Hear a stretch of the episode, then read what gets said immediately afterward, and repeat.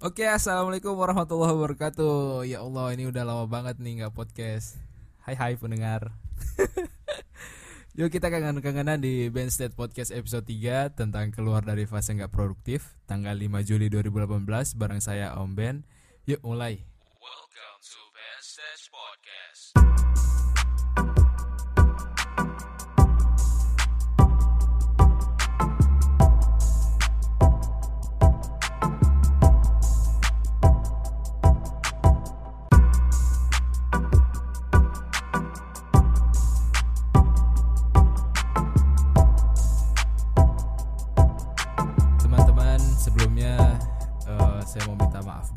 Kita maaf-maafan dulu karena berhubung ini masih di dalam bulan Syawal. Jadi uh, saya mengucapkan minal aizin wal faizin taqabbalallahu minna wa minkum. Dan seperti biasa layaknya orang-orang Indonesia pada umumnya kita mau beralasan dulu karena tertundanya episode 3 ini yang yang lama banget ini sudah pas benar-benar pas satu bulan jadi ceritanya beberapa bulan yang eh bukan beberapa bulan yang lalu sih. Uh, bulan yang lalu alhamdulillah uh, akhirnya saya di sudah saya di sudah akhirnya sang legend di wisuda ya. Jadi karena di wisuda itu makanya keluarga di Sorong pun datang ke Jogja. Ada abah umi dan juga adik Makanya ada beberapa persiapan sekaligus uh, mendampingi orang tua, jadi belum sempat nulis skrip dan ngepodcast. Dan kemudian setelah beberapa waktu itu uh, menulislah menulislah uh, tweet gitu kan lagi lagi nulis skrip. Emang lagi pas nulis skrip itu emang ini skripnya ini udah udah satu bulanan ini skripnya sebenarnya. Nah setelah dari nulis skrip itu dan alhamdulillah akhirnya sekarang bisa mengudara. Ya intinya dari alasan tadi itu sebenarnya adalah lagi dalam masuk low motivated gitu bro.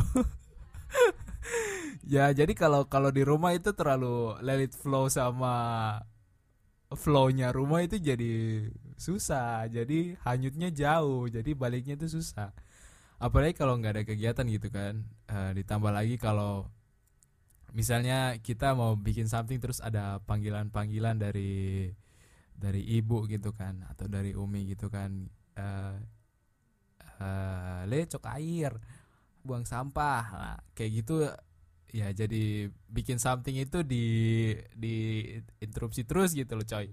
Jadi gangguannya lumayan banyak sih kalau di rumah. Jadi gitu sih sebenarnya. Dan uh, di podcast ini kita akan membahas mengenai itu tadi tentang keluar dari fase nggak produktif.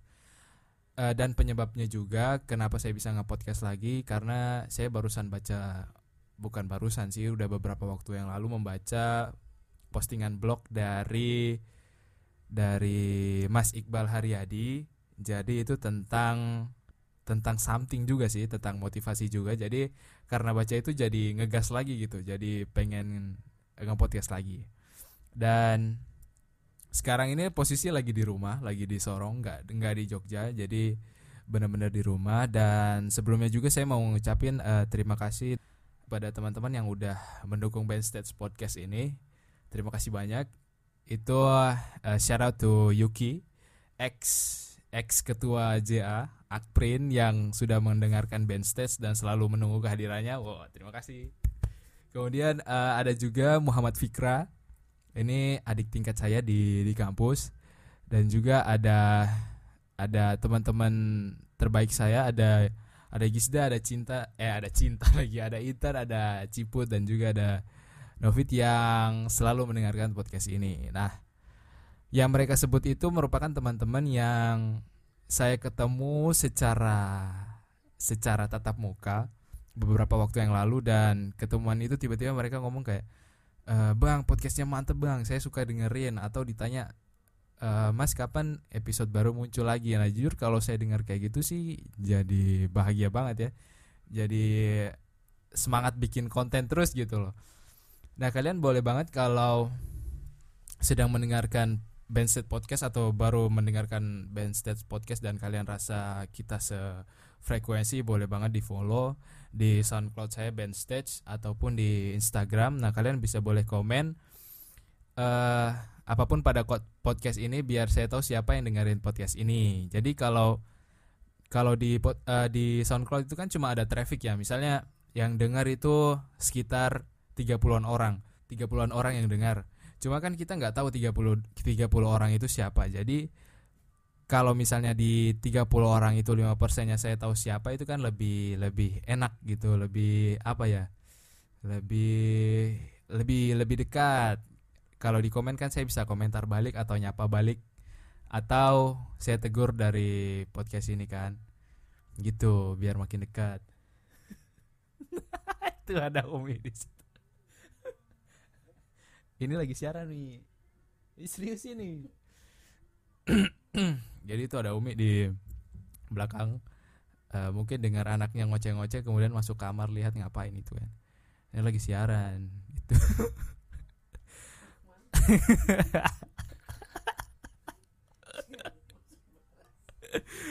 Oke, langsung aja. Uh, topik podcast ini emang sangat-sangat krusial, terutama bagi kita yang udah slow banget atau sih?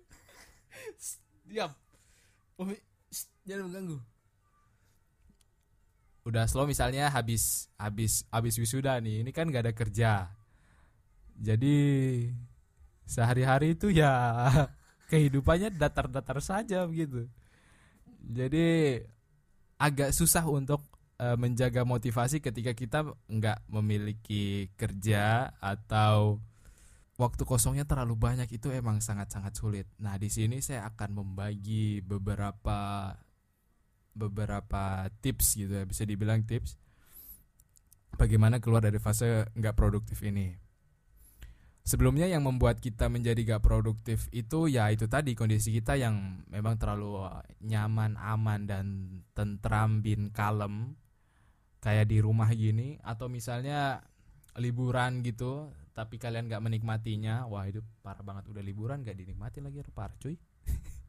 Dan ditambah tidak adanya kegiatan pokok. Jadi misalnya kalau kita sehari-hari kuliah eh tiba-tiba udah lulus aja udah nggak kuliah lagi terus kita ya karena kita bukan orang yang penuh inisiatif ya kita ngikutin arus aja gitu. Jadi kita tidak punya target. Nah kalau kita sudah sadar akan tanda-tanda ini kita mesti kerahkan beberapa jurus nih cuy. Yang pertama, uh, get rid all of things that make you feel unmotivated. Jadi singkirkan semua hal-hal yang membuat kamu tuh merasa tidak termotivasi atau tidak memotivasi dirimu. Karena zaman sekarang menurut saya hal yang paling berpengaruh dalam emosional seseorang itu sosial media. Karena dengan sosial media ini orang bisa merasa senang, bahagia, iri, dengki, e, merasa termotivasi bahkan kepada orang-orang yang kita kenal sendiri gitu. Kalau ada yang bilang dari sosial media dia bisa membuat dirinya motivasi, nah ya selamat kamu memanfaatkan sosial mediamu dengan baik dan kolam atau streammu itu emang bagus. Tapi kayaknya kita semua tuh setuju bahwa sosial media ini lebih banyak eh, dampak buruknya daripada dampak negatifnya meskipun kita sudah saring beberapa beberapa uh, orang yang kita follow atau teman-teman yang kita ingin uh, mengikuti ya ketika kita buka explore ya tetap ada TikTok tetap ada jokes-jokes garing gitu. Nah itu ya itu salah satunya yang bikin kita uh, nggak nggak merasa termotivasi malah tambah males. Nah itu yang kita harus singkirkan. Jadi kalau udah rasa kayak gitu pakai sosial media ya itu sosial medianya di cut dulu gitu coy. Kemudian yang kedua adalah uh, memikirkan tujuan uh, yang kamu lakukan misalnya. Karena banyak dari kita melakukan sesuatu itu bukan karena keinginan uh, diri pribadi. Kita melakukan sesuatu itu karena biasanya tuh ingin mengesankan orang lain. Jadi kita membuat something misalnya orang lain biar uh, merasa wah ini orang keren nih. Wah bagus nih. Kalau misalnya kita melakukan ini itu agar terlihat keren di mata orang lain kalau saya sebagai penikmat ya kalau saya sebagai penikmat melihat uh, sesuatu yang keren ya saya nggak apa-apa gitu karena emang karyanya keren dan karyanya bagus. Tapi sebagai konten kreator atau orang yang membuat something di internet kalau kita uh, mengikuti pangsa pasar uh, apa yang lagi tren sekarang ya tentu tidak akan pernah selesai gitu. Kalau kita melakukan saat ini kita misal misalnya melakukan hal A oh ternyata banyak banget yang suka tentang hal A dan kemudian kita bisa kita bisa apa ya kita bisa kita bisa naik daun lah dalam dalam dalam sosial media gitu. Tapi ketika itu terus berlalu hal A ini sudah tidak tertarik lagi nah, ter, uh, kita akan terus-terus mencari dan kalau kita tidak melakukan dengan hati ya saya yakin pasti itu akan akan kandas di tengah jalan gitu nggak akan bertahan lama. Jadi azamnya itu kurang kurang kuat cuy. Jadi kita yang kita harus lakukan adalah memikirkan lagi tujuannya sih sebenarnya untuk apa sih? Kalau misalnya kita tujuannya untuk menyebarkan konten-konten positif kayak band stage podcast ini yo enggak bro. Iya. Yeah. ya ya iya kan? Kalau kalau misalnya kita uh, ingin menyebarkan konten positif atau membantu orang lain atau memperangi konten negatif nah insya Allah dengan tujuan yang ini akan akan apa ya akan selalu akan selalu diusahakan gitu daripada me, me, mengikuti keinginan orang lain karena keinginan orang lain itu kan berbeda-beda gitu coy. Kemudian yang ketiga adalah empower. Empower itu bahasa Indonesia nya apa ya uh, empower coba coba coba kita translate. Ini dia ketik dia nggak tahu bahasa Inggrisnya. Translate empower. Empower. Oke okay, empower itu artinya memberdayakan. Nah empower itu memberdayakan jadi e, mencari kekuatan dalam dalam diri kamu sendiri bertindak seakan-akan kamu ini coach bagi diri diri kalian sendiri gitu. Jadi kita mencoba untuk memotivasi diri sendiri oleh diri sendiri. Nah karena misalnya hal-hal uh, mulai saja dari hal-hal yang sederhana. Misalnya kalau kalian nonton drama Korea ya misalnya maraton drama Korea nih dari malam ini sampai bulan depan gitu ya misalnya misalnya misalnya ini misalnya loh misalnya nah itu boleh aja kalian antara drama Korea satu dengan drama Korea yang lain itu kalian selipin beberapa video atau tontonan yang berbau motivasi nah nggak usah lama-lama cukup misalnya 3 sampai 5 menit aja gitu. Nah insya Allah uh, drama Koreanya nggak lanjut. Karena sadar. Karena sudah sadar bahwa uh, kegiatannya itu sia-sia. Jadi ya ya tetap tetap harus harus tetap on progress. Ya boleh nonton drama Korea tapi kan kalau sampai maraton sampai bulan depan itu kan suram juga coy jadi ya tetap uh, mencoba untuk memotivasi diri sendiri karena kalau nggak ada yang memotivasi diri kita sendiri ya siapa lagi? Kan nggak mungkin orang-orang lain. Karena orang lain kalau nggak semangat juga percuma gitu. Kemudian yang ke ke berapa ini bro? Keempat. Nah keempat. Keempat sih menurut menurut menurut saya ini ya tips keempat tergantung orang ya tergantung orang masing-masing karena tips keempat ini mencari tempat tempat tempat tempat yang baru. Jadi kalau misalnya tempat ini menjadi sesuatu yang esensial bagi teman-teman, misalnya kalian tuh nggak bisa konsen atau kalian itu nggak bisa uh, menjadi semangat dengan kondisi-kondisi yang kondisi-kondisi yang sangat-sangat apa ya apa namanya uh, crowded gitu atau di rumah itu bukan tempat yang nyaman untuk belajar misalnya. Nah, kalian bisa cari tempat-tempat yang menurut kalian buat kalian semangat. Misalnya uh, bisa juga taman belajar, kemudian perpustakaan kota, nggak perlu kafe-kafe atau uh, tempat nongkrong yang mahal.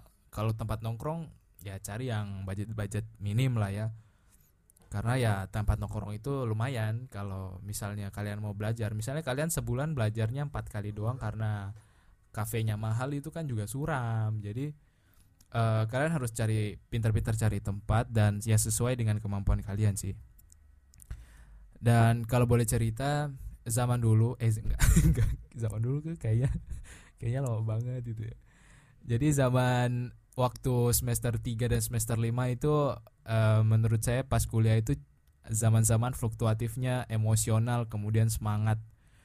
Jadi uh, dulu tuh uh, semester 3 sampai semester 5 itu saya punya kebiasaan jadi karena tugas sangat banyak kemudian praktikum lagi padat-padatnya setiap pulang dari praktikum tuh biasanya saya le lewatin kampus UGM nah, kampus UGM jadi kalau antara jarak kampus dengan kampus saya dengan dengan kos saya itu pasti ngelewatin UGM nah biasanya sore itu saya sempetin lewatin UGM karena UGM itu kan memiliki apa ya tempat ibaratnya launch kampusnya mereka tuh cukup gede dan dan juga pasti rame di sana. Dan kita sebagai orang dari kampus luar pun dibolehkan kalau misalnya kita mengitari itu aja. Nah, itu biasanya sore-sore tuh uh, saya ngitarin uh, kampus biasanya masuk ke kampus teknik gitu. Masuk aja cuma keliling gitu. Masuk keliling lihat-lihat. Itu kan banyak orang ngumpul diskusi dan dan itu cukup cukup apa ya cukup uh, membuat motivasi sih.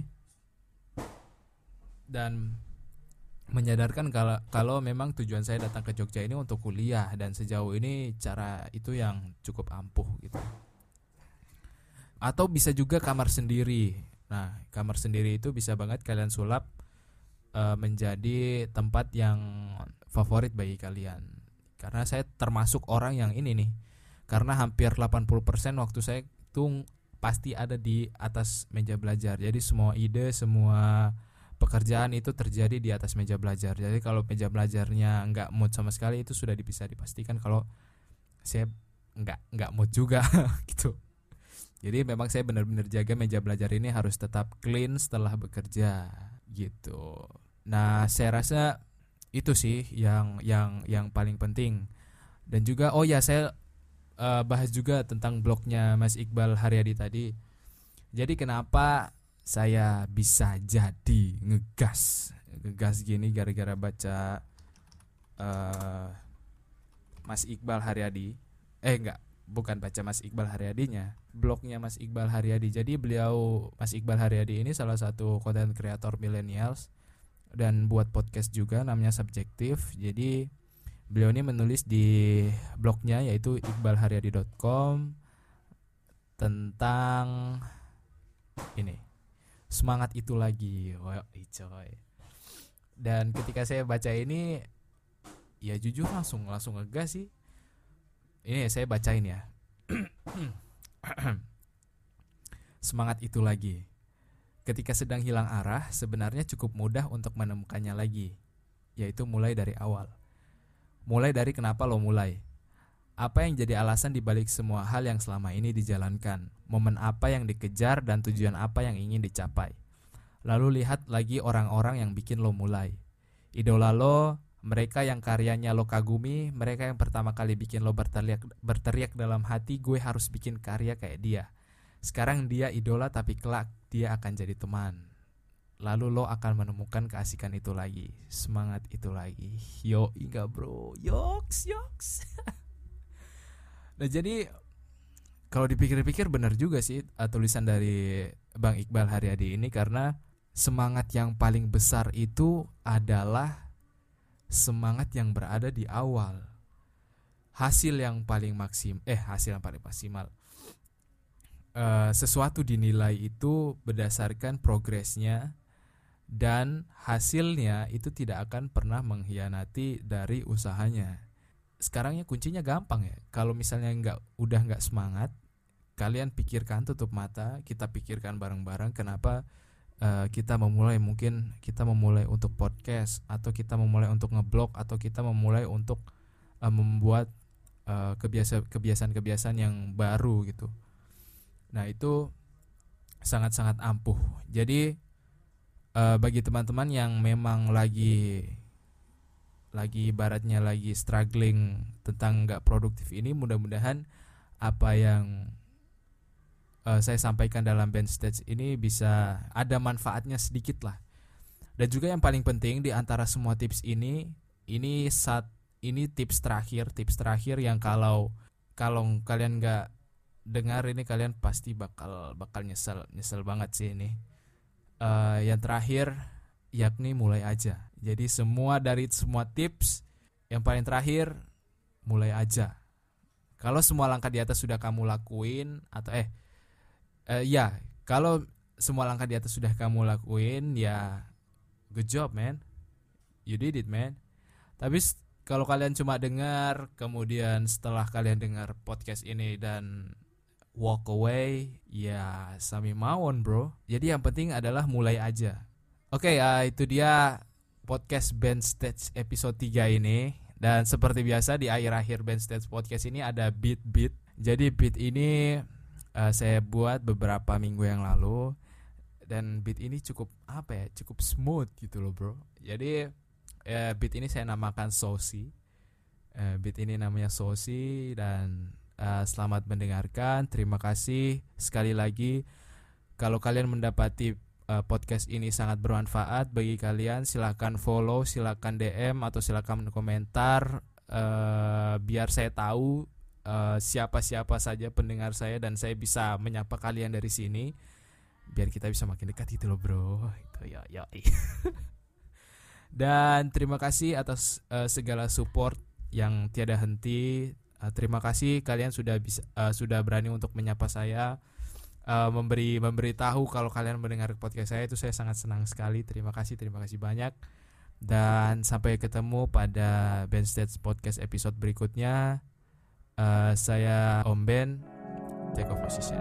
Assalamualaikum warahmatullahi wabarakatuh.